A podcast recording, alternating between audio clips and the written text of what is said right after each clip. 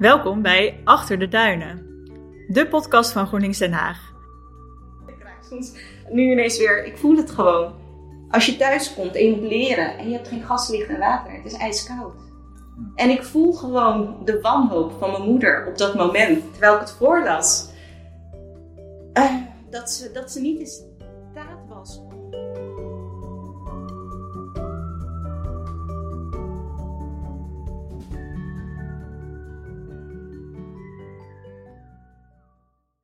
Mijn naam is Lisa. En ik ben Jan. En in de aankomende drie afleveringen gaan we in gesprek met de Haagse kandidaat Kamerleden. We gaan in gesprek met hen en hun inspiratiebronnen om te weten te komen waarom zij zich hebben gekandideerd voor de Tweede Kamer. Vandaag, in de eerste aflevering van deze miniserie, spreken we met Jaswina Elahi. Jaswina staat op nummer 38 van de lijst, is gepromoveerd cultuurwetenschapper en heeft daarnaast een breed sociaal hart.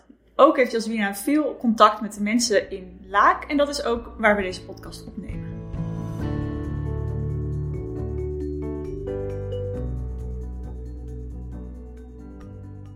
Vandaag dus de eerste aflevering van onze miniserie waarin we jullie voorstellen aan de Haagse kandidaten op de kandidatenlijst voor GroenLinks. En naast mij zit Jaswina, welkom. Eh, we hebben meer mensen te gast in de podcast vandaag, daar kom ik zo op. Eerst heel eventjes Jaswina, uh, kun jij kort vertellen uh, wie je bent en wat je doet en waarom je op de kandidatenlijst staat? Nou, ik ben dus Jaswina Elahi, ehm, geboren in Eindhoven, getogen in Den Haag. En van achtergrond heb ik een, een, opleiding gedaan in kunst- en cultuurwetenschappen. Maar ben heel erg de sociale kant op gegaan op een gegeven moment. Ik ben docent aan de Haagse Hogeschool en onderzoeker. En ik onderzoek met name sociaal-maatschappelijke vraagstukken. En waarom sta ik op de lijst? Um, ja, op een gegeven moment um, ben ik in de loop der jaren steeds meer gaan engageren aan met name die sociale thema's waar ik het net over had. En op de een of andere manier ontkom je er dan niet meer aan uh, dat je dan toch verzeild raakt in die politiek. Dus op die manier, ja. Ik ben er langzaam ingegroeid. Het was niet van de ene op de andere dag. En welke stappen heb je dan doorgemaakt in die, in die stappen van langzaam meer geëngageerd raken? Hoe is het gegaan? Kun je voorbeelden noemen daarvan? Ja, bij mij begon het eigenlijk in eerste instantie dat ik heel erg deel uitmaak van die multiculturele kant in Den Haag. Uh, de, de migrantensamenleving zou je bijna kunnen zeggen.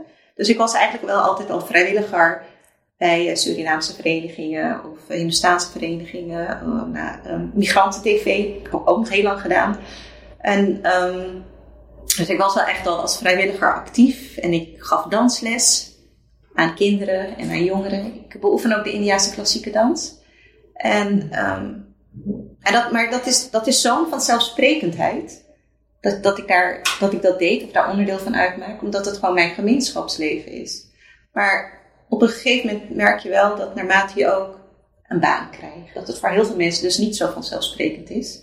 En eigenlijk werd de verbinding gemaakt door een professionele ontwikkeling, eh, waardoor ik de verbinding kon maken met de, ja, die culturele kant in Den Haag. Ja.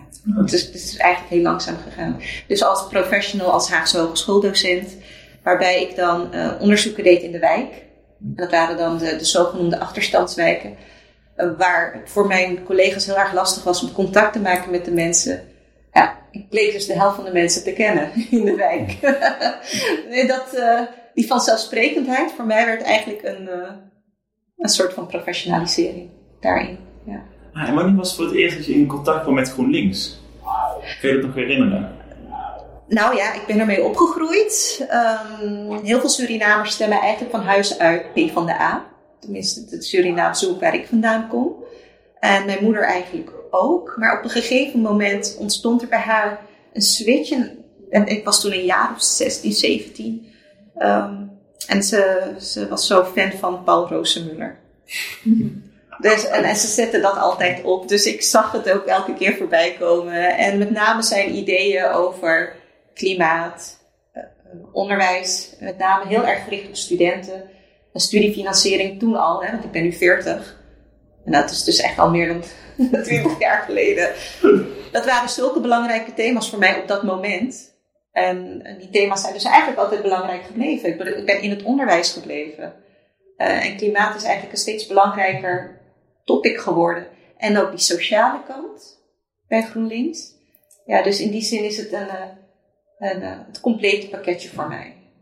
Voor een partij. Ja, mooi. En, en toen we jou benaderden hè, om, om uh, te gast te zijn in deze podcast, toen nou, kwamen we al vrij snel op waar, waar gaan we het dan over hebben. We moeten het eigenlijk hebben over, over de wijk en over de thema's die spelen in de wijk, bijvoorbeeld armoede. Nou, Janne vroeg mij, wil je dan twee mensen uitnodigen? Uh, en, en, eigenlijk waar wil je het over hebben? Nou, uh, een van de belangrijkste thema's die voor nu in mijn leven, dat is, dat is armoede. Dat is ook een van de, ik verwees net al naar, de, naar dat ik wijkonderzoek doe. Uh, dat doe ik in Stadsdelaak. Daar heb je allerlei wijken zitten. Daar heb ik nou ja, met name te maken gehad met mensen die onder de inkomensklasse, of op, onder de inkomensniveau moeten leven. Vanwege allerlei oorzaken. En um, er zijn een aantal mensen hier in de wijk die zich echt inzetten en zich uh, bezighouden met, uh, met deze problematiek. En een van die mensen is Ivan. Uh, en ik heb hem leren kennen omdat hij een hele actieve vrijwilliger is bij een koffieinloop, waar nou, heel veel mensen komen. Mensen uit de buurt, maar eigenlijk ook heel veel dak- en thuislozen. En zij verzorgen elke dag een maaltijd. Uh, zeven dagen per week, volgens mij. Kan je straks beter vertellen. Ja. Dus, uh, dat is dus eigenlijk. En uh, een andere gast die ik er heel graag bij wilde hebben is Denise Harleman. Omdat zij ook echt probeert om die armoede door, te doorbreken. Door, nou ja, door eigenlijk zich hard te maken voor het basisinkomen. En ik heb haar op die manier leren kennen. En en het is niet alleen maar praten over basisinkomen haar, ze is het ook echt gaan doen. Ja, dus vandaar deze twee mensen. Ja, misschien kunnen we eerst even naar Denise, want je hebt een, um, een tijds, uh, tijdslimiet vandaag. Um, want jij hebt inderdaad eigenlijk een supermooi initiatief uit de grond gestampt en jij bent gewoon iets gaan doen. Wil je daar wat over vertellen? Wat, wat ben je gaan doen en, uh, en hoe is dat zo gelopen? Ja, zeker. Um, ik ben collectief kapitaal gestart uh, in uh, april 2020. Samen met 99 andere uh, medeburgers. En, en waarom? in eerste instantie voor mij wat ik eigenlijk heel erg voel hoe ons economisch beleid samenhangt met um, de kracht van de sociale gemeenschap. En dat waarde op heel veel verschillende niveaus eigenlijk volledig platgedrukt wordt. En dat ja, dat grijpt me aan. Hoe kwam de coronacrisis en hoe voel je eigenlijk dat nog veel meer mensen onderuit aan het glijden zijn?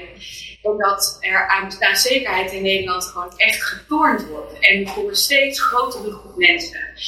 Um, en de inkomensongelijkheid groeit ook alleen maar. Dus mijn inziens is er gewoon echt alternatief beleid nodig om die problematiek aan te pakken. En dus zijn wij met zo'n honderden gestart uh, aan een actieonderzoek. Waarbij we aan de hand van een actie, eh, een experiment met het basisinkomen, proberen te onderzoeken hoe wij als burgers een veranderingsbeweging op gang kunnen brengen om bestaanszekerheid voor iedereen in Nederland te garanderen. En daar zijn we inmiddels een jaar mee bezig. Het eerste half jaar zijn we echt met elkaar in verkenning gegaan op wat zijn de waarden waarvan je wil dat daar een experiment als dit aan doet. Uh, hoe, hoe, ziet dat er, hoe ziet dat er dan uit? Welke waarden zijn van belang? Inmiddels ligt daar eigenlijk een heel mooi raamwerk op basis van principes en morele overtuigingen. En dat proberen wij nu uitvoerbaar te maken. En dat is heel erg complex. Want je merkt eigenlijk dat aan alle kanten het systeem uh, dit burgerinitiatief uh, extreem bemoeilijkt. Dus we moeten echt volhardend zijn om dit voor elkaar te krijgen. Maar met, met, met z'n honderden komen we heel ver. En Jaswina is een van de honderd. Daar ben ik heel dankbaar voor. Zij is ook hoofd van onze onderzoeksgroep. Uh, samen met iemand anders. Dus ja, wij hopen mooie resultaten met de wereld te kunnen gaan delen, ook in tijd.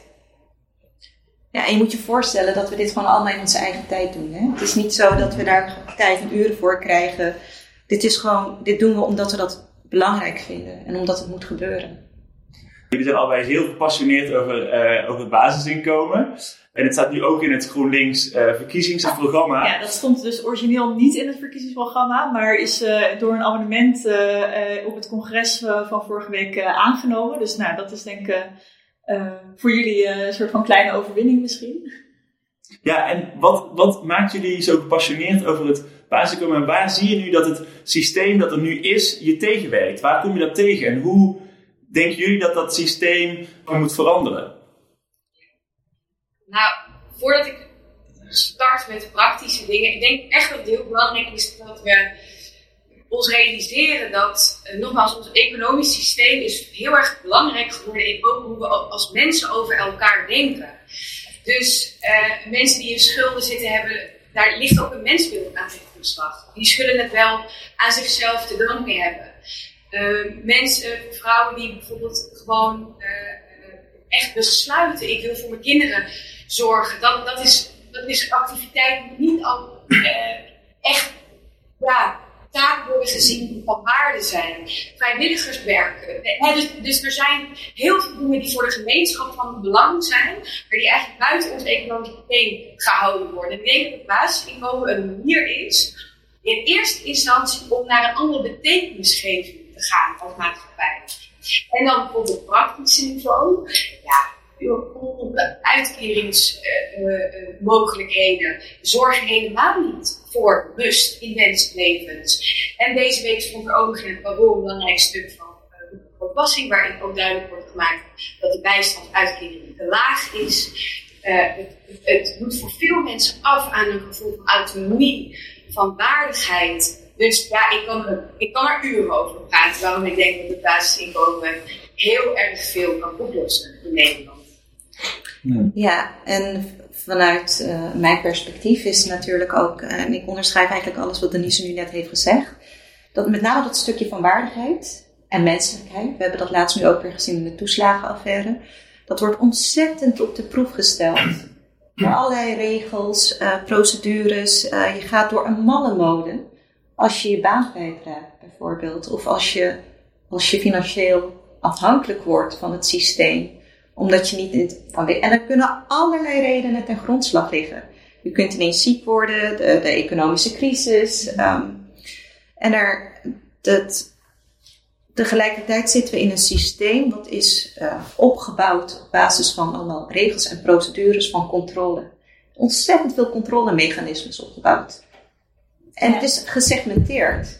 En het, het probleem wat je ziet ontstaan is dat je bijvoorbeeld bij. Uh, Stel je voor, je hebt nog een paar, paar papieren openstaan wat nog goedgekeurd moet worden bij bijvoorbeeld de IND. Uh, en je doet een aanvraag over, uh, voor een bijstand. En, en, in principe zou dat akkoord zijn, maar daar, daar, moet, nog, uh, daar moet je nog, voor een aantal procedures heen weer bij een andere instantie. Of bij de, bij de WW-uitkering of bij de WIA. Omdat er een soort van voorwaarden aan vastzitten. En tegelijkertijd werken al die instanties niet echt met elkaar samen.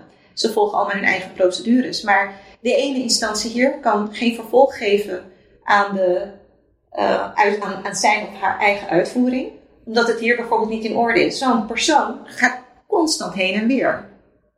Ja, er wordt eigenlijk van alle kanten wordt een soort van lasso om je heen gewikkeld door allemaal instanties die je eigenlijk uh, willen helpen. Want het is niet zo dat iedereen zegt van nou we willen die mensen niet helpen, dat is het niet.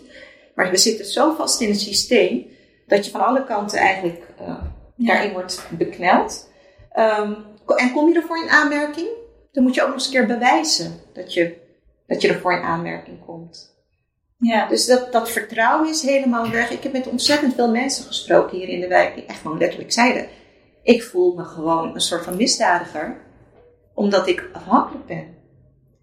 Ja, ja, ik snap wat je bedoelt. Het is heel erg, uh, heel erg gedreven op wantrouwen. Ik zag dat je het uh, ergens in een stuk wat je had geschreven beschreef als een niks systeemfalen, maar typische Hollandse mentaliteit over de toeslagenaffaire. Ja. Uh, doe je daar, daarmee hierop? Dus dat het, um, dat het systeem eigenlijk is ingegeven door nou ja, en wat ik eigenlijk met deze column, uh, ik, ik, schrijf inderdaad een aantal columns.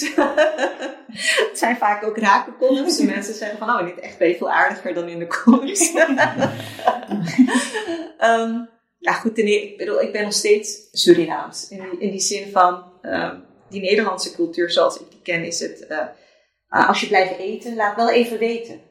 Ja, precies. Terwijl in de Surinaamse cultuur, dan heb je, uh, we gaan er gewoon vanuit dat je blijft eten. Toch, Ivan?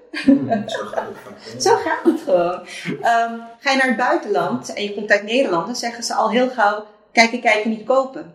Er zit een soort van zuinigheidscultuur als het om centjes gaat. Weet je, van, eh, en dat is, dat is wel echt typisch Hollands.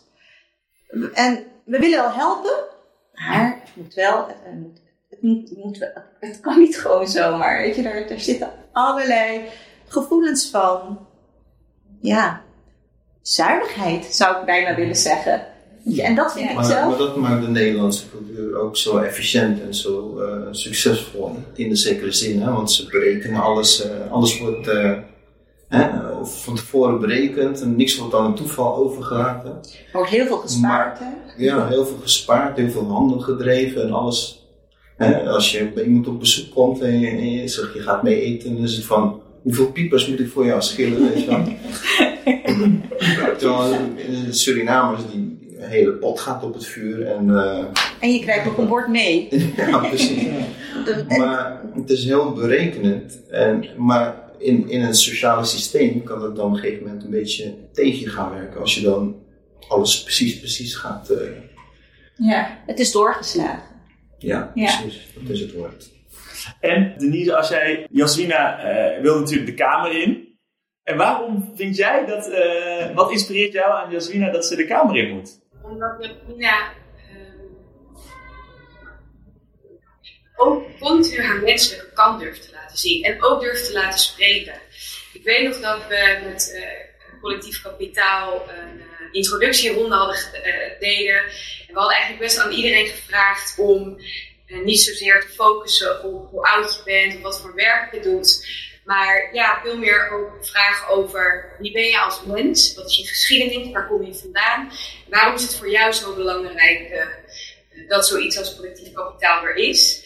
En daar liet Jasmina een verhaal horen eh, dat haar talent, haar kennis, haar verleden eh, ja, liet zien hoe rijk zij eigenlijk is als, als vrouw. En ik vond dat diep ontroerend. En eh, daarnaast, eh, ze is gewoon ook heel intelligent. Dus, dus dat, dat is gewoon heel fijn. Ja, het is, het is een, een vrij compleet plaatje. Nou, ik, eh, ik bloos helemaal. ja, dat was een hele een, eh, een bijzonder moment. Het, het, eh, ja, dat, het verhaal van armoede. Kijk, de inspiratie komt er ook gewoon. Het, het is niet alleen maar vanwege mijn werkzaamheden. Het, het, het komt ook gewoon voort uit mijn, mijn eigen ervaring en mijn eigen beleving. En ik heb er heel lang niet over gesproken. En ehm, ik ben zelf kunst- en cultuurwetenschappen gaan studeren, omdat het toch eigenlijk wel die, die mooie, vrolijke kant van het leven is. Uh, misschien als een soort van overlevingsmechanisme.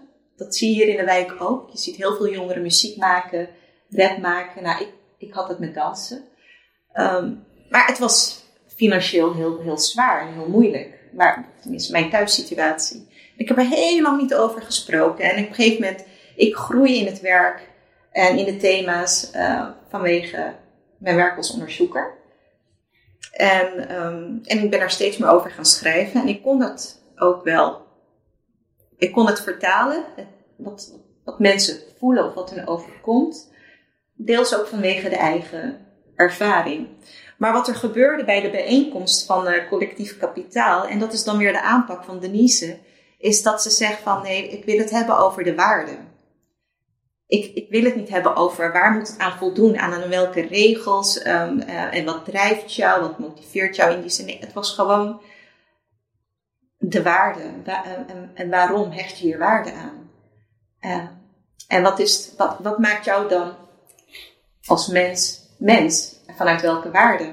En ik had een stukje opgeschreven en totaal onverwacht had zij dus een, uh, nou, toch een soort van maniertje bedacht om, uh, om, om ik bedoel, je kunt nooit met honderd mensen bij elkaar in één ruimte zitten. Dus we werden heel keurig verdeeld in groepjes van tien. En dan heb je een boekje voor je waarin de, de, de waarde van de persoon voor je erin lag, onder andere. Maar ook die van mijzelf. En dat, dat moet je gaan voorlezen. En ja, ik was er eigenlijk toen voor het eerst, um, kijk, schrijven is soms nog iets anders dan erover praten en erover vertellen. En ik heb toen voor het eerst erover gesproken. En volgens mij, ik sprak mijn eerste zin uit en ik, ik kon alleen maar huilen. En dat was, ik vond het ergens ontzettend gênant. ik vond het zo erg. En, maar op het moment toen ik het oplas, hardop las, ik zag het gewoon gebeuren. Ik voelde gewoon weer hoe het was om geen eten te hebben. En ik heb het over Nederland. Ja. Ik voelde gewoon hoe het was weer op dat moment. Nou, ik, ik raak soms nu ineens weer. Ik voel het gewoon. Als je thuis komt en je moet leren en je hebt geen gas, licht en water. Het is ijskoud. Ja. En ik voel gewoon de wanhoop van mijn moeder op dat moment, terwijl ik het voorlas. Eh, dat, ze, dat ze niet in staat was om die, die schuldenproblematiek het hoofd te bieden. En tegelijkertijd haar, haar trots om hulp te vragen. En de afhankelijkheid. Weet je, dat was. Uh, om dat te. Weet je, daar gaat het om. En um, dat je dan vastzit in een systeem van, vanwege trots, van uh, uh, ja, je wilt niet falen in het leven als alleenstaande moeder in een Hindoestaanse gemeenschap. Je wilt niet falen als mens of als moeder voor je kinderen. Weet je, we willen allemaal succesvol zijn en we hebben allemaal wel hulp nodig. Maar waarom mogen we, waarom mogen we niet erover praten? Nou, en ik groeide op in een tijd, en dat was in de jaren tachtig. Nee, de jaren tachtig, dat, dat is de tijd geweest waarin we natuurlijk de eerste grote crisis hadden. Mm. Maar dat was nog steeds de tijd waarin mensen zeiden: wij zijn niet arm. Armoede is iets van in ontwikkelingslanden. In Nederland hebben we geen armoede. Want wij waren er trots op, wij zijn een verzorgingsstaat. We hebben het goed voor elkaar. Ja. En dat, dat was de mentaliteit van toen. Dus ik groeide sowieso op in een tijd waarin er sprake was van armoede. En artsen wisten het. Maatschappelijk werkers wisten het. De sociaal werkers wisten het. Maar het beleid wilde er niet aan. Want wij hebben hier geen armoede. Toen is er een onderzoek verschenen van de GGD in die periode. Waarin ook echt gewoon, het was een, een Rotterdamse onderzoek op dat moment, uh, waarin ook gewoon naar voren kwam dat er wel degelijk armoede is. Er is gewoon armoede. En de politiek wilde er niet aan. Ja. Ze hebben toen een eigen onderzoek laten uitvoeren en toen, ja, het kwam natuurlijk weer naar voren. En in de jaren negentig hadden we het er voor het eerst over stille armoede. We durven het nog steeds niet te zeggen. Hè? We durfden niet te zeggen dat we te maken hebben met armoede hier. Gewoon echte armoede.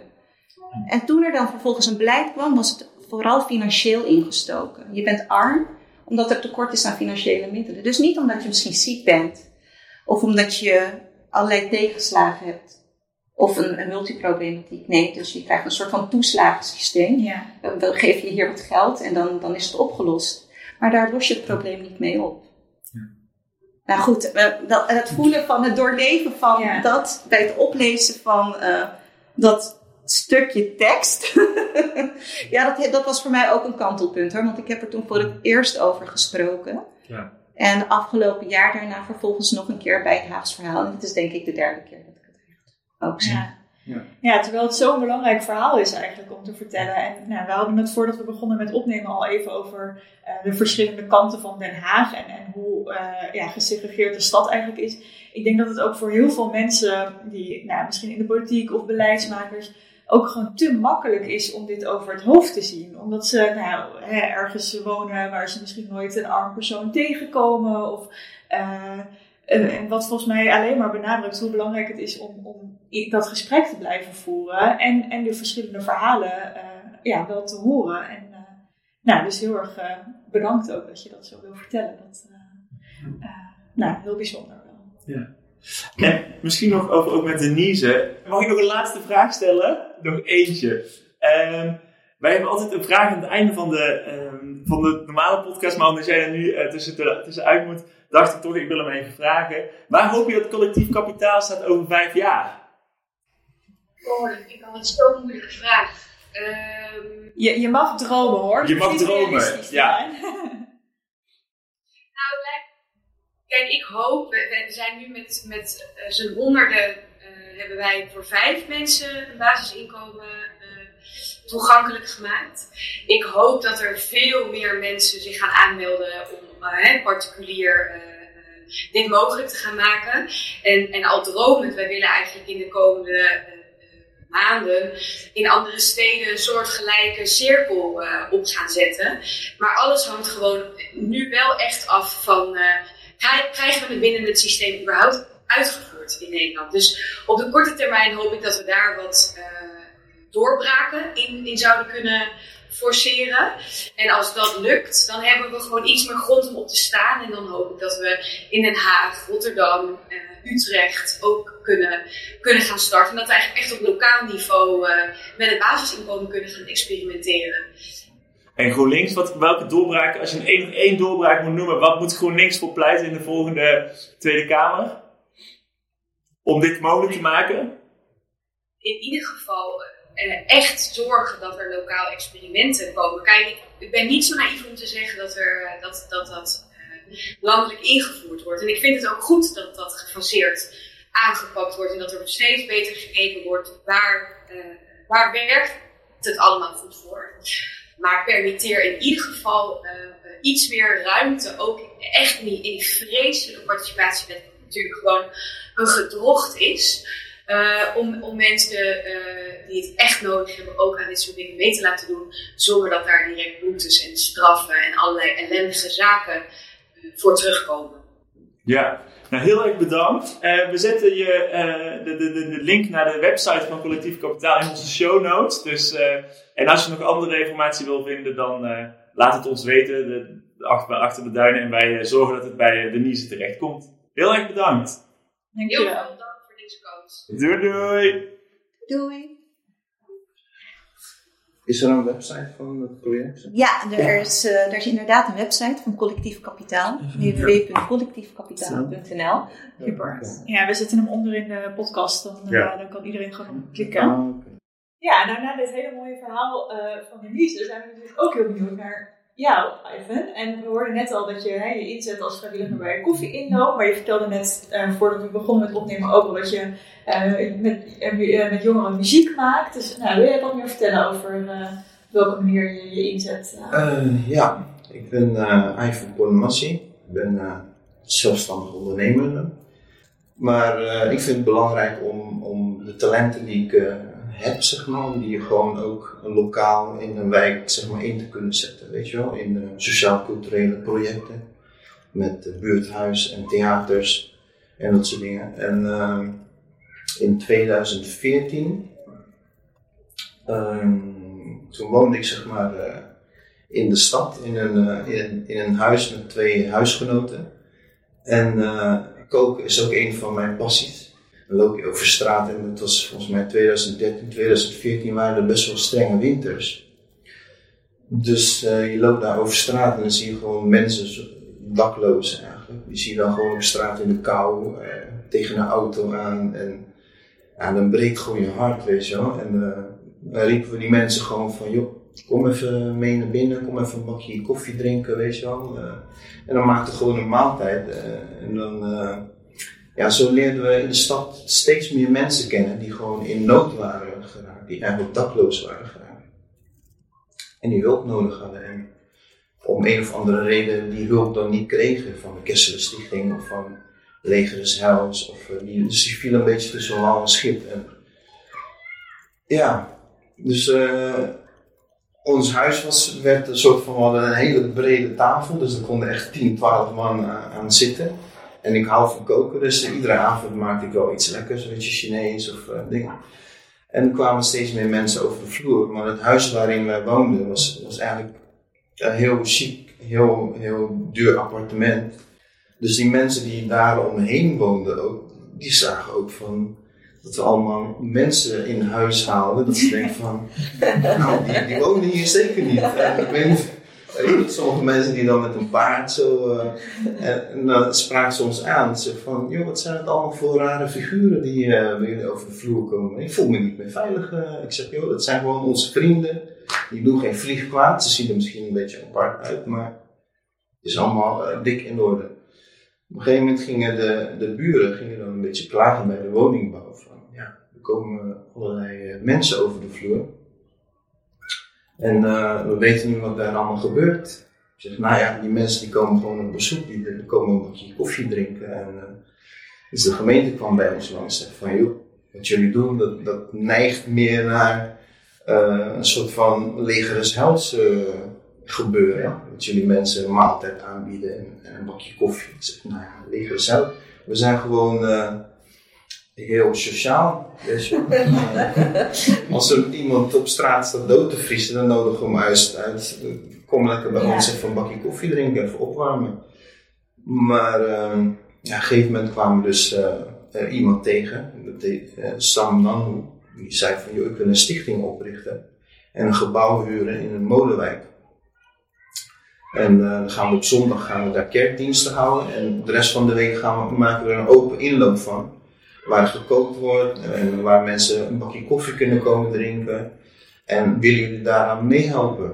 Ik zeg, nou, dat is geweldig, weet je wel. Ja. Want eh, hij zegt, ik, ik, ik zorg dan voor de kosten. En eh, als, als, eh, als jullie drie dan wonen met z'n drieën daar, zijn drie verdiepingen.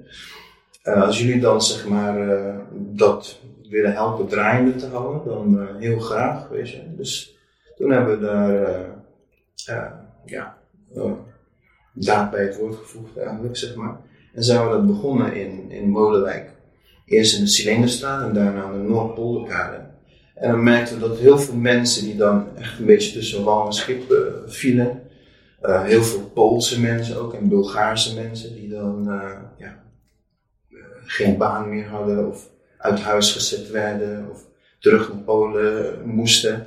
Die, die kwamen dan bij ons een maaltijd nuttigen.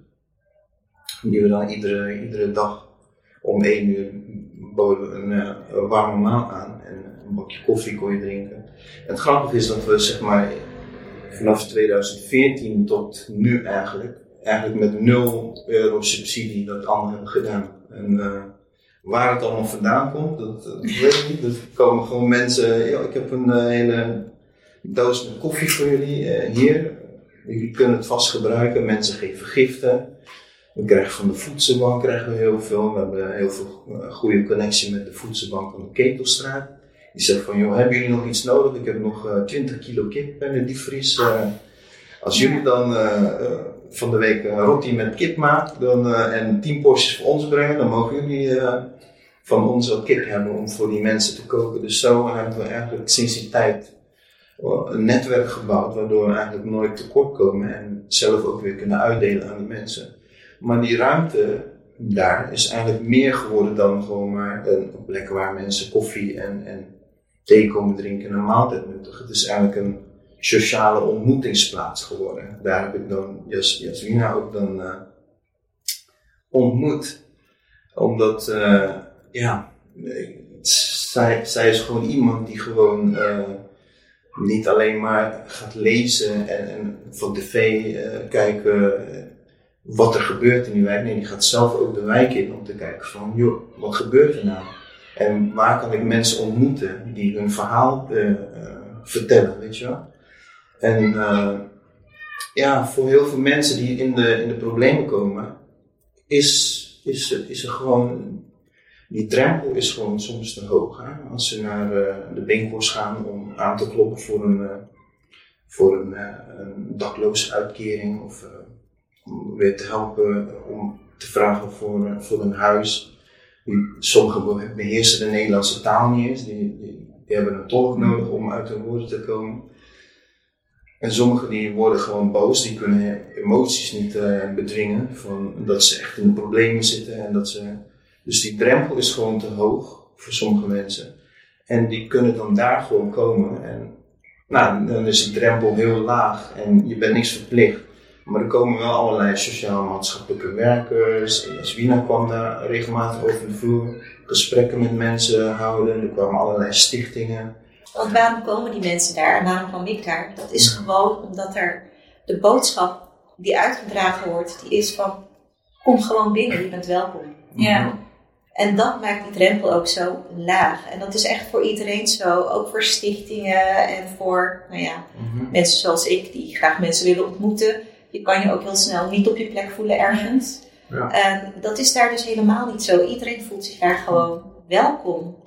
En dat is echt dus die houding Ja. de bejegening ehm, naar de ander toe. Om te zeggen van, je mag er zijn, jij doet ertoe. Ja, en dat is denk ik ook wel iets waar heel veel eh, behoefte aan is nog in de stad. Want ik vind het wel eh, eh, opvallend wat je vertelt. Hè, dat, dat je dan, toen, toen jullie nog vanuit huis deden, dat de gemeente dan maar eens even langskomt om te kijken wat daar nou allemaal gebeurt. Terwijl, ja, eigenlijk zou je toch hopen dat de gemeente denkt, oh jee, er zijn mensen die een maaltijd nodig hebben. Die je zou willen dat de gemeente zich daar verantwoordelijk voor voelt. Maar Ja, in plaats daarvan wordt het vaak bekeken van, nou, eh, veroorzaken ze geen overlast voor, eh, voor de buren in deze wijk. Terwijl, nou ja, goed, het is, eh, is niet altijd even veel menselijkheid bij die eh, behandeling. eh. Ja. Nou ja, en ook gewoon wat je, wat je ziet is de angst, het wantrouwen, de beeldvorming ja. die er is naar, richting de ander toe. En dat mensen zich daar ontzettend door laten leiden om anderen uit te sluiten. Want daar komt het op neer. Ja, En je doet er niet toe. ja. En al die mensen die dan tussen wal en schip vallen, omdat dus kennelijk in het systeem wat we hebben opgebouwd om mensen te helpen, eh, er geen oog is voor al, alle uitzonderingen, Ja. even tussen aanhalingstekens. Weet je, van, we hebben ook daarin een bepaalde norm vastgesteld van oké, dit is dus wat we arm vinden. En, eh, en dit zijn ook de, de armen die er recht op hebben. ja. Ik vertelde net al de. Polen en de Bulgaren. Nou, ik, ik heb ook gewoon met mijn eigen ogen gezien hier bij de voedselbank. Als je net 1 euro te veel verdient, kom je al niet in aanmerking voor de voedselbank. ja. Ja. En, en waar moeten die dan terecht? Nou, gelukkig is er dan, eh, zijn er dan mensen zoals Ivan, die gelukkig dan net een paar deuren verderop zitten. Ja. Waar ze dan uiteindelijk daar naartoe kunnen gaan om, Ja. om toch nog een maaltijd te kunnen nuttigen. Ja, we hebben ook een voedsel, eh, voedselpakket. eh, Ja. Uitgiftepunt. Uitgiftepunt voor mensen die net eh, niet in aanmerking komen voor eh, de voedselbank, de officiële voedselbank.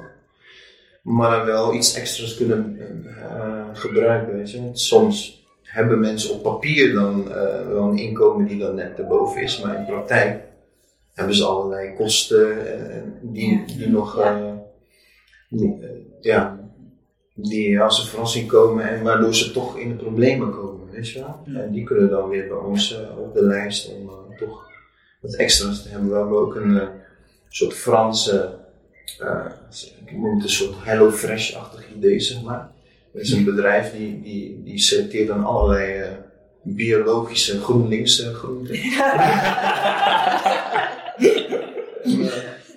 ja, dus, die verkopen ze dan, zeg maar. Eh, ja, ik weet niet precies hoeveel, maar zo'n zo'n doos. En die krijgen mensen dan thuis, thuis opgestuurd, die brengen ze dan thuis. Maar er komt dan iedere, iedere week een vrachtwagen met groenten en fruit. En kruiden en dat soort dingen. En eh, die brengen ze dan naar die mensen, verkopen ze. Maar er blijft dan ook heel veel over vaak.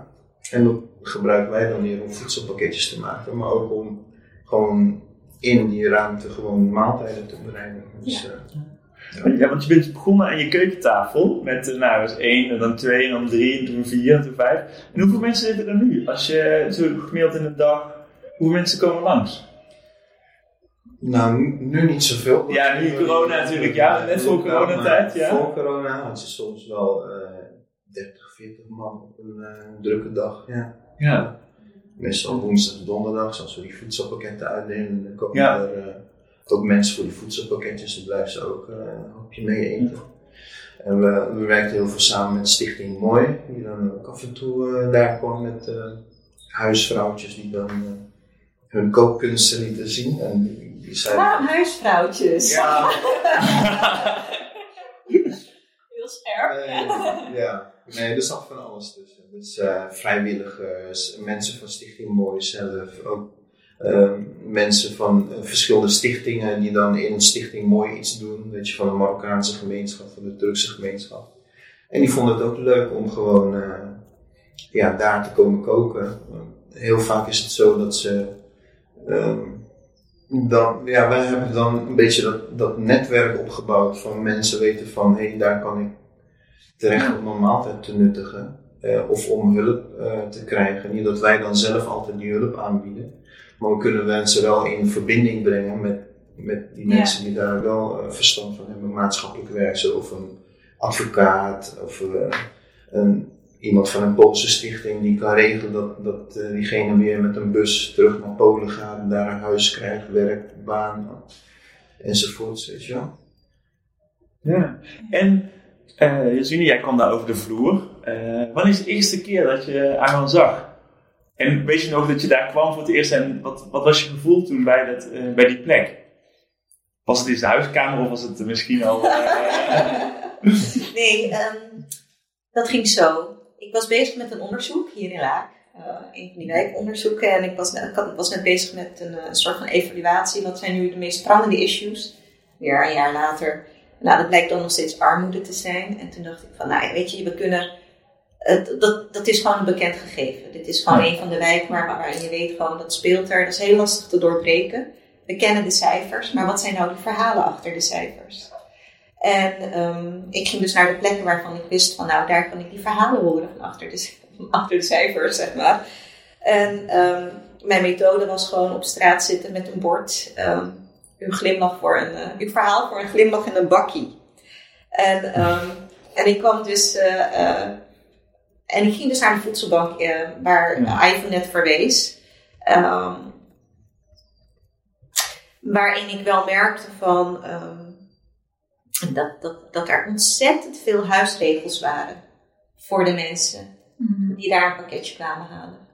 Dat, en dat juist die regels door die regels durfden mensen niet eens zoveel te vertellen. Ja. Dat, dat, dat was zo'n opvallend gegeven. Ja. Op het moment dus dat. Uh, en kijk, de, de, voedselbank hier, wij zijn een van de laatste landen. binnen de westerse landen, die is begonnen met voedselbanken. Ik bedoel, je moet je voorstellen dat het al in de jaren 60, 70 al in Amerika was. En hier in Europa waren de Fransen eerst en daarna de Belgen. En bij ons heeft het geduurd tot en met 2004, 2006. Ja. Dat Ja. is echt gewoon dat is, daar heb ik het dus over 14 jaar geleden, 15 jaar geleden. Voor de eerste voedselbanken, officiële voedselbanken. En dat was dan ook in Rotterdam, notabene. Um, door een echtpaar die zei van nou, dan gaan we dan zelf maar pakketjes maken. Want we zien gewoon dat er ontzettend veel mensen gewoon geen eten hebben. Heeft dat denk je te maken ook met wat je eerder vertelde, die, eigenlijk die ontkenning van dat er armoede bestaat in ons Ja, en, en, en, en het idee van als je arm bent, is het je eigen schuld. Ja, ja. Want je hoeft hier in Nederland niet arm te zijn. Ja. Uh, dus het wordt heel erg uh, verweten aan het, aan, aan het individu zelf en niet aan het systeem. Maar goed, ik ben blij dat de voedselbanken er zijn. Tegelijkertijd is het ook wel weer uh, afhankelijk zijn van Galitas. Mm -hmm. Van de goedheid van mensen. Dat, Ja. Ook dat zorgt ervoor dat je in een soort van afhankelijkheidspositie komt. Dus je moet maar net uh, de goede mensen treffen daarin. Dus Ja. ehm, maar wat ik dus merkte bij de, de andere, bij de ene voedselbank, is dat er dus een hele waslijst aan regels was, waardoor mensen eigenlijk bijna niet durfden te vertellen van wat er nou is en wat er speelde. Ja. De, de mensen zijn zich ontzettend bewust van dat ze daar zijn, omdat ze daar dus kennelijk recht op hebben ook, want anders zouden ze, maar tegelijkertijd zijn ze ook wel bang. Weet je, dus die Ja. keurslijf van regels. Ja. Dat, en dat maakt het ook heel erg lastig om, om nou ja, eigenlijk wat ik net vertelde, van wat is nou je- jouw verhaal? Wat is Ja. daarachter? Wat, want ik wilde het niet hebben over per se armoede zelf, maar met name van, weet je, wat, wat doet het met je? Ja. En wat is er eigenlijk, wat zijn nou, aan, waar heb je nou eigenlijk echt behoefte aan? Ik bedoel, dat Ja. kan misschien wel inderdaad een voedselbank zijn, of financiële toelage, maar waar heb je echt behoefte aan? Maar het was heel lastig om, om die verhalen boven water te krijgen. En ik liep dus, ik liep gewoon op straat, letterlijk op straat. op een gegeven moment daar in de wijk. En, eh, eh, en ik liep gewoon, ik denk, eh, langs jullie locatie. En ik eh, zag jou praten met iemand. En ik vroeg gewoon, mag ik hier staan met mijn bord? eh, om een kopje koffie te drinken en verhalen van mensen te Ja. horen. En toen zei hij van, nou laat je bord maar thuis. Je, je mag hier gewoon binnen koffie drinken. Lekker warm. Ja. Het is lekker warm. En dat ben ik toen gaan doen op de dagen. Dus dat ik daar, liet ik mijn bord thuis en ging gewoon naar binnen gewoon koffie drinken. En was ik gewoon Ja. altijd welkom met een van de mensen. En weet je, soms willen mensen helemaal niet niks vertellen. Dat is ook Nee. goed. En heel veel mensen die willen gewoon koffie drinken. En soms waren er hele betekenisvolle verhalen. Ja. Want wat is bijvoorbeeld de rode lijn? Je, je bent daar vaak geweest. Wat zijn nou, eh, wat is, kan je een rode lijn vinden in de mensen die bij Arjan naar binnen kwamen? Of is er een rode lijn? Het zijn natuurlijk allemaal unieke verhalen, maar is er een bepaald onderliggend... Ja, Ja, er zijn, het zijn allemaal unieke verhalen, maar wat er bijna bij iedereen onder ligt, is dat ze in die interactie met mensen, of het nou professionals zijn, eh, hulpverleners of zelfs vrijwilligers, die het allemaal met de beste intenties doen, dat ze in die interactie met anderen eh, het gevoel krijgen vaak minder te zijn. Ehm, en, ehm, en wat me heel erg opviel bij Ivan was dat ze in hun interactie in staat waren om mensen het gevoel te geven van gelijkwaardigheid. Ja. En dus waardigheid.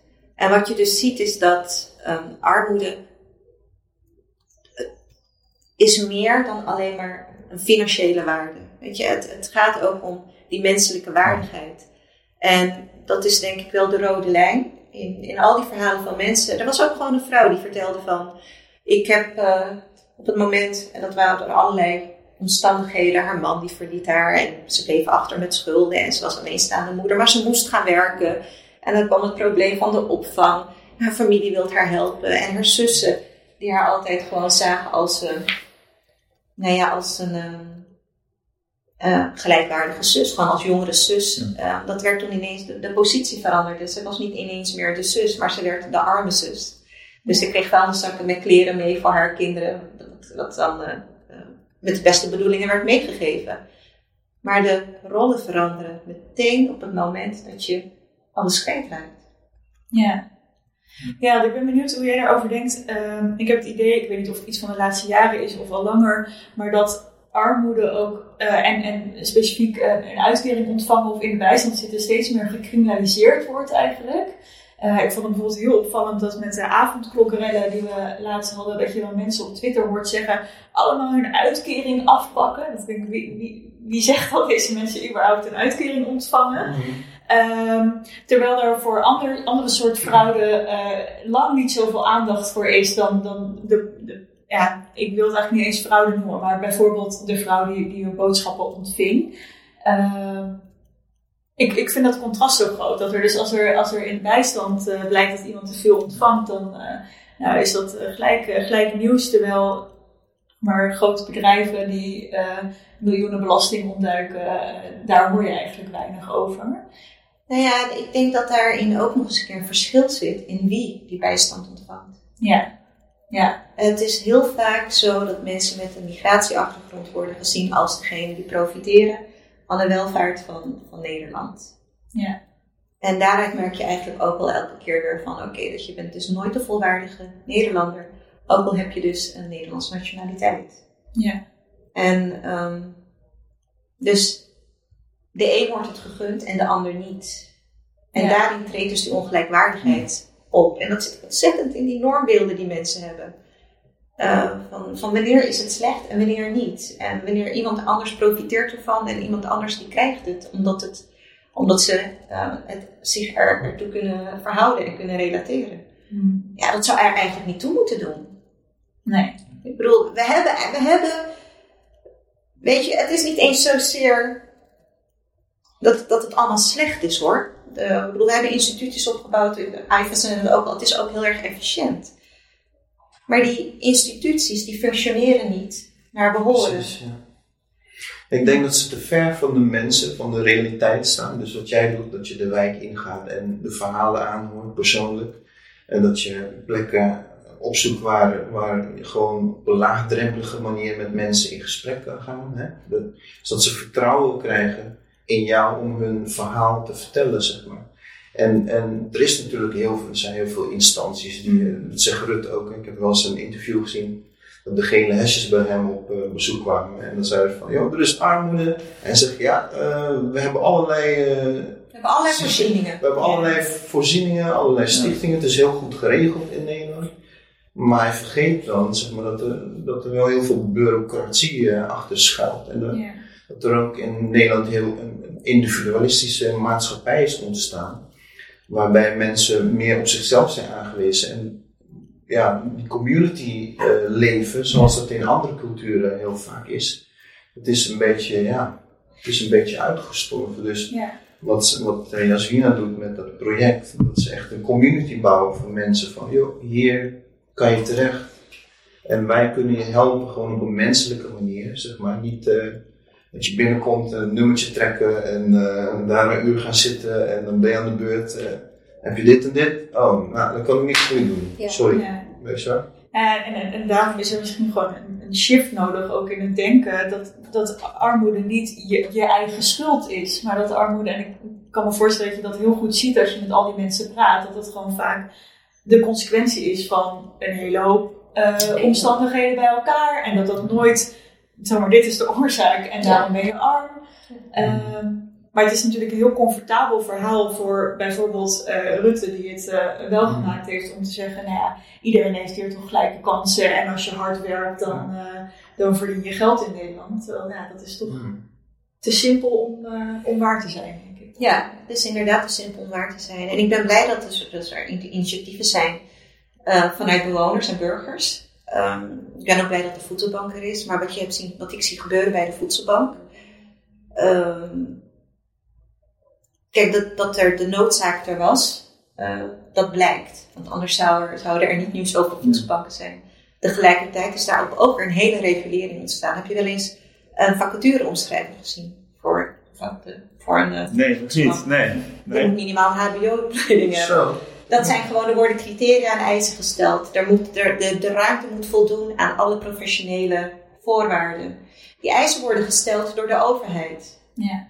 Uh, dus de, wat je krijgt is dat nou die, die, die hele professionalisering slaat tegelijkertijd die nou, bijna de, de, de, de, motivatie waar je het voor doet weg. En je, dat is uh, ja, minimaal een HBO-opleiding voor allerlei dingen. En je moet allerlei cursussen volgen. Je moet, de vrijwilligers die daar zijn, die, die, daar wordt een hoop van gevraagd. Die moeten drie dagen in de week gewoon werken. Ja. Gewoon een 9 tot 5 baan hebben. Ja. Want het is, het is iets wat gewoon van ochtends, ik bedoel, je hebt ze zelf ook gezien. Dus bij de voedselbank, ze werken keihard. Weet je, maar er moet wel een coördinator op zitten. Ja. En er is dan een hele logistieke organisatie omheen. En daar moeten ja, uh, vrachtwagens worden aangeschaft. En het kost nu vooral heel veel geld ook. Ja. Dus ja. daar is weer een, een, een, Ik ben ontzettend blij om te horen dat jullie dan bijvoorbeeld dat jullie weten te redden zonder al die subsidies. Want dat ja, zorgt er dan ook voor heb je dat ook je... minder, minder invloed van buitenaf. Mensen die jou dingen opleggen Ja. van zus en zo. Ja. Maar uiteraard, je hebt wel te maken met voeding natuurlijk. Dus je wil wel eh, dat het veilig... Tuurlijk, ja. Veilig... eh, hoe Goed voedsel en uh, Ja. niet Dat je niet mensen dingen geeft die bedorven zijn, dat Ja. ze goed bewaard worden Ja. volgens de HACCP of uh, Sociaal Hygiënecodes. Dus daar hou je wel rekening mee. Tegelijkertijd Maar- vind ik dat dus die behoefte is zo groot. Ja. En wiens, wiens verantwoordelijkheid wordt het dan? Is dat niet de Mhm. verantwoordelijkheid van de overheid of blijft het de verantwoordelijkheid van de burger? Ja, wat wij hebben gedaan is, is een beetje initiatief gewoon in eigen handen houden. En vooral mensen zoeken die de hart op de juiste plek hebben. En eh, eh, ja, gewoon vriendelijkheid en de goedheid en de behulpzaamheid.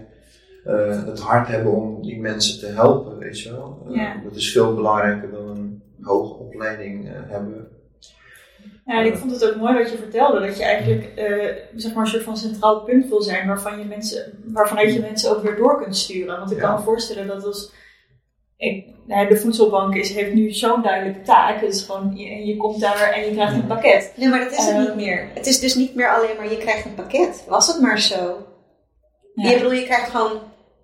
Je krijgt mensen binnen die Ja. niet alleen maar een, een geldtekort hebben of voedseltekort hebben. Je hebt mensen die gewoon problemen hebben. Precies. Ze hebben gewoon hulp nodig. Ja. Echt hulp, volwaardige hulp. En ehm, je kunt bij de voedselbank soms wel gewoon blijven zitten op sommige locaties, maar op andere locaties weer niet. Nee. Nee, daarom is het denk ik heel goed dat je, dat je, je plekken hebt waar je heen kunt gaan, zonder dat je misschien precies weet wat je nodig hebt of hoe waar je moet zijn. In plaats van dat je allerlei instanties hebt die naar elkaar kunnen blijven verwijzen. Ja, Ja, het punt is er niet om, om mensen die eh, dan eh, extra een voedselpakket nodig hebben om gewoon eh, iets in de koelkast te hebben, om die dan jarenlang op zo'n lijst te houden. Maar het doel moet zijn om te kijken van hoe, hoe komt het dat ze dat nodig hebben en hoe kan ik hun helpen Ja. om daaruit te komen. Dat zij gewoon eh, eh, misschien ook vrijwilliger kunnen worden om anderen weer te helpen, weet je wel. Dus, Maar je hebt ook professionals nodig. Ja. in dat verhaal. Je hebt gewoon professionals nodig die hen gewoon agogisch kunnen begeleiden, psychische hulp kunnen bieden. En dat ontbreekt nog. ja. Ja. Dat Dus, zijn eh, weer allerlei andere instanties en organisaties die dat doen. En dan, dus ze krijgen dat niet. Dat wat ze Nee. nodig hebben. En, en ja, eh, ja, je gaf net al een beetje antwoord, maar vind je dat daar een rol voor de overheid ligt? Dat zij die handschoen zouden moeten oppakken? Jazeker, ja. En op welke manier? Want uh, het, het, is, het is natuurlijk een hele een prachtig initiatief. Uh, uh, maar je hoopt uiteindelijk dat er een Nederlandse staat is en een, en een overheid die juist ervoor zorgt dat al deze mensen niet tussen de, tussen de, tussen de spleten doorvallen, tussen de instanties doorvallen en uiteindelijk helemaal uit het systeem vallen. Of echt. En hoe zou je, um, en ook GroenLinks, hoe zou GroenLinks dat nou zou moet, voor moeten geven om ervoor te zorgen dat uh, de initiatieven van mij juist meer, dat, dat zijn dus volgens jou denk ik de way to go op een bepaalde manier. Hoe kunnen we dat nou zorgen dat het niet alleen in Laak is, maar bijvoorbeeld ook in, in Rotterdam, Groningen en, uh, en Maastricht? Nou, jullie zijn hier, hè, Trekput Vliethagen. Ik heb hier gesproken bij, met een, bij een bijeenkomst met bijna 30 professionals ja. die zich bezighouden met, uh, met deze doelgroep uh, sociale en armoedeproblematiek. En we hebben een sessie gedaan waarbij ik ook twee mensen had uitgenodigd die incognito aanwezig waren. Dus die de eigenlijk cliënten zijn in hun dagelijks leven en de bijstand krijgen. Dit is in die malle molen zitten van die hele bureaucratie. Ja. En op die bijeenkomst waren nou, een stuk of 28, 30 waren professionals van verschillende organisaties. En um, wat wij deden was een, een rollenspel. dus er was ook echt gewoon met, met een dramaturg die, uh, die de hele sessie begeleidde. Uh, en, en wat ik daar zag is dat mensen ontzettend, professionals, die zitten ontzettend vast in hun script uh, van professional. Van ik, ik ga, dit is van de hulpverlener en de taal van de hulpverlener. En de, de, de richting die er, er, is bepaald voor de hulpverlener. Dat er bepaalde normen en eisen worden gesteld van hoe jij je moet gedragen als professional. Um, dat was heel erg interessant, want wat we deden met, met, dat, met, met dat experiment was, mensen uh, die professionals zijn, waren ineens cliënten die arm waren. Ja. En daar hebben we verschillende sessies van gedaan en ze moesten op elkaar reflecteren. Waarbij dus, eh, nou, bijvoorbeeld Jarre is dan nu de professional en jij bent nu ineens arm. En nou, hoe, hoe ziet zo'n gesprek van jullie eruit, een intakegesprek? En de andere professionals die gingen dan kijken van hoe Jarre dat doet als professional. Ja. En die zeiden van, ja, nou, ik vond jou eigenlijk, ik, ik vond de, de Jarre dan bijvoorbeeld, hè, ja. uh, wel aanmatigend. En Jarre had zelf had het dan helemaal niet door. Oh, ik dacht juist dat ik heel erg open was. Ik, uh, ik open zitten. Nee, jij leunde te veel achterover. Dus de interpretatie van wat nou open, aardig, uh, hulpverlenend is, nou daar bestaat dus al een hele wereld van verschil. Um, en bij een andere ronde wat we zagen was van dat ze zelf moesten komen van nou jij bent tussen nu arm van en, en jij moet gewoon de komende periode rond zien te komen, maar je hebt, geen, je hebt 0 euro op je bankrekening. En met elkaar waren ze dus aan het bedenken, nou dan ga ik dus de spulletjes nog verkopen die ik in huis heb. Ik zet dat op marktplaats. Of ik heb uh, nog een paar, uh, ik ga portieken schoonmaken, ik ga gewoon klusjes doen. En dat was het moment dat een van mijn incognito mensen uit haar rol viel. En dat ze zei van, maar denken jullie dat ik dat niet heb gedaan? Dat heb ik gedaan. Maar dan heb ik mijn spullen op marktplaats gezet. Ja, en dan? En dan heb ik 5 euro en dan heb ik mijn OV-chipkaart opgeladen en dan heb ik voor de rest heb ik niks meer. En de week erop zit ik gewoon in dezelfde situatie.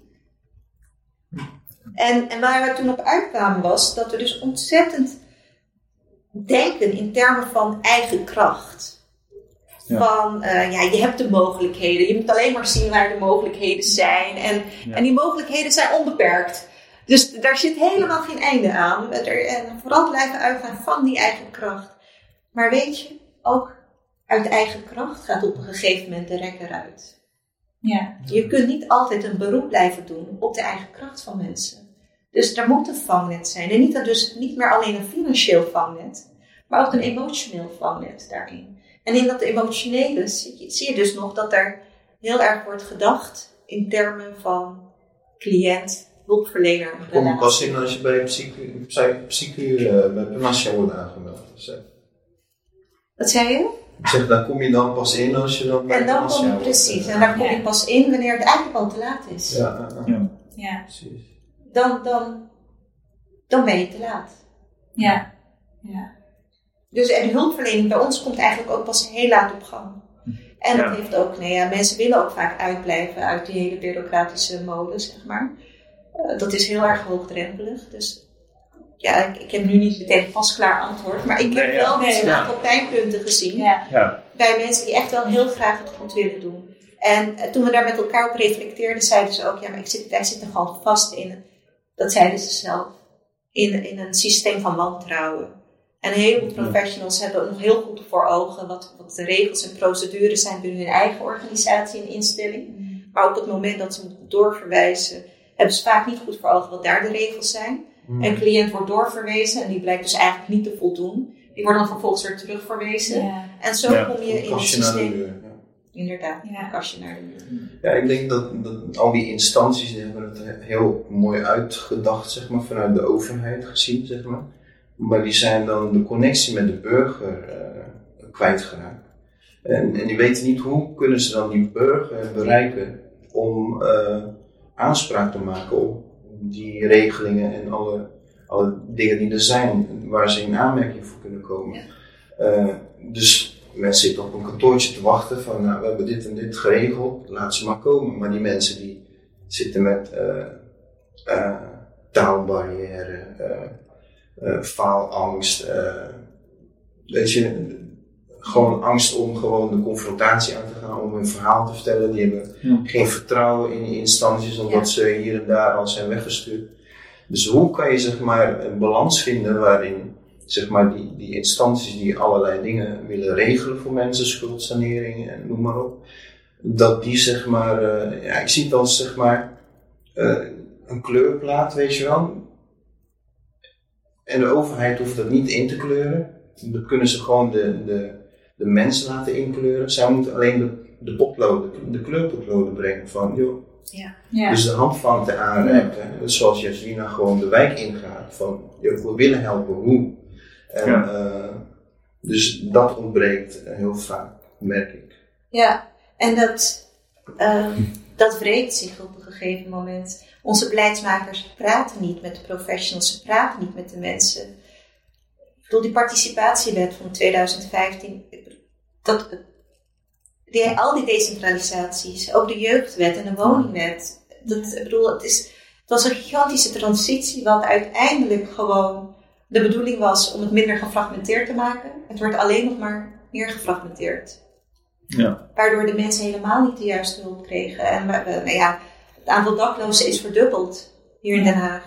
Ja. Eh, De, de, de wachtlijst bij jeugdzorg, de kinderen, jongeren krijgen gewoon niet meer de juiste hulpverlener of ze hebben er een stuk of tien. Ja.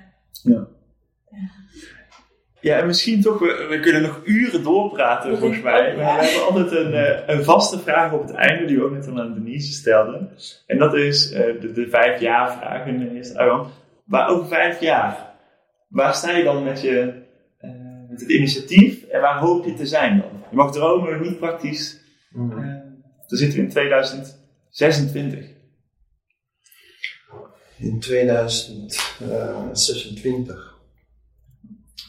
Nou, ik, hoop dat er heel veel gaat veranderen. Gewoon eh, qua financieel systeem, qua eh, dat Nederland minder individualistisch wordt, maar meer com- communitygericht. Dus dat mensen leren een netwerk te bouwen. Zoals wij dat ook hebben gedaan in onze stichting. Met, eh, ja, je hebt allemaal mensen die daar komen. De ene is advocaat, de andere is ondernemer, de andere is eh, maatschappelijke werker, de andere is eh, verzorgende. En, en zo heb- bouw je een netwerk waarin als het een keer fout gaat, weet je, je hebt mensen die werken dan voor schuldhulpmaatje, weet je, die komen daar over de vloer. Dus dan heb je alles in handbereik. Ja. Eh, dan ben je niet alleen maar op jezelf aangewezen. En ik denk dat we daar naartoe moeten. Dat mensen het vertrouwen krijgen om, om te praten. Zich ook, ook niet schamen voor hun problemen of tekortkomingen. En dat ze gewoon zien van, hé, hey, ik mag er gewoon zijn. En ik mag gewoon mijn verhaal vertellen. Er zijn mensen die met het juiste motief naar mij luisteren, weet je wel. En, en dat gewoon eh, ook, eh, hoe zeg je dat? Eh, daar ook goed mee omgaan. Dat niet, niet jouw verhaal Ja. gaan doorvertellen en dat soort dingen. Als je dingen in vertrouwen vertelt. En ik denk dat dat belangrijk is, dat je, ja, dat je een ruimte hebt eh, meer plekken in Nederland waar mensen een community. Dat is nu een beetje lastig met die corona natuurlijk. Ja, en laten we hopen dat dat over vijf jaar niet meer is. Ja, dus uh, ik ga ervan uit dat we dan gewoon weer uh, lekker met grote groepen bij elkaar kunnen zitten. En, ja. Mooi. Dat denk ik. En jij hebt dezelfde vraag natuurlijk. Waar zouden we over vijf jaar moeten zijn? Of wat, wat hoop je dat er dan anders is? Ik hoop dat we over vijf jaar een humaner beleid hebben. Zowel in Nederland als Europees. Veel meer gestoeld op, uh, ja, op menselijkheid. Ik denk ook dat dat gewoon bijdraagt aan een stukje wegnemen van wrok. Bij uh, heel veel mensen die denken van ja, uh, waarom die wel en ik niet? En, dan krijg je een hoop oneenigheid. Maar dat echt gewoon iedereen in zijn menselijke waarde wordt uh, gelaten, wordt behandeld als een, als, als, als mens. Het is eigenlijk gewoon verdwenen de afgelopen tijd onder het beleid van Rutte. Weet je, dat is echt alleen maar gewoon systeem, kapitaal, uh, bureaucratie. Er is bezuinigd in zorg, er is bezuinigd in, in defensie, er is bezuinigd uh, in het jongerenwerk en sociaal werk. En juist dat is gewoon de kern van de samenleving. Daar moet je in investeren. Je moet investeren in onderwijs. Je moet investeren in, in, in blauw, dus in de politie, in de defensie. Je moet investeren in, uh, in het sociaal werk. Dat, dat, dat is gewoon, als je dat werken aan communities, dan is dat gewoon nodig. Daar kan je niet de knip in zetten op het moment dat je dat doet. Dan zet je gewoon de knip in, eigenlijk in die menselijkheid. Ja. En dat is gebeurd. Daar moeten we echt vanaf zien te komen. Ja. Nou, ik hoop heel erg met je mee. Uh, wij allemaal, denk ik. Uh, ontzettend bedankt voor jullie tijd en voor jullie interessante inzichten. Uh, het was een heel mooi gesprek en nou, hartstikke bedankt. Een fijne plek om te zijn. Dus we zijn ook heel erg bedankt dat we hier mogen, mogen opnemen. En mocht je nou nog meer informatie willen over de vliethaven waar we nu zijn, vliethaven waar we nu zijn, of de stichting, of de ontmoetingsplek, of het, in, het instituut van Denise, laat het dan weten. Uh, wij zetten ook alles uh, met links en websites in onze comments. Ontzettend bedankt voor het luisteren. Dan wil ik alleen nog tegen iedereen zeggen: vergeet niet te stemmen op 17 maart. En denk jij nou, na het luisteren van deze aflevering, ik sta ook voor inclusie, voor gelijkwaardigheid en voor een socialer en humaner beleid? Stem dan op Jasmina, plek 38 op de lijst van GroenLinks.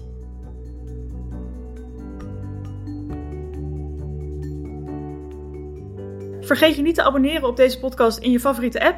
Stuur hem vooral door naar al je vrienden. Volg ons op Facebook, Twitter, Instagram of via de maandelijkse nieuwsbrief van GroenLinks Den Haag. En tot de volgende keer. Doei! Achter de Duinen wordt geproduceerd door GroenLinks Den Haag. En de muziek van deze aflevering is Up and Over van de Blue Dot Sessions.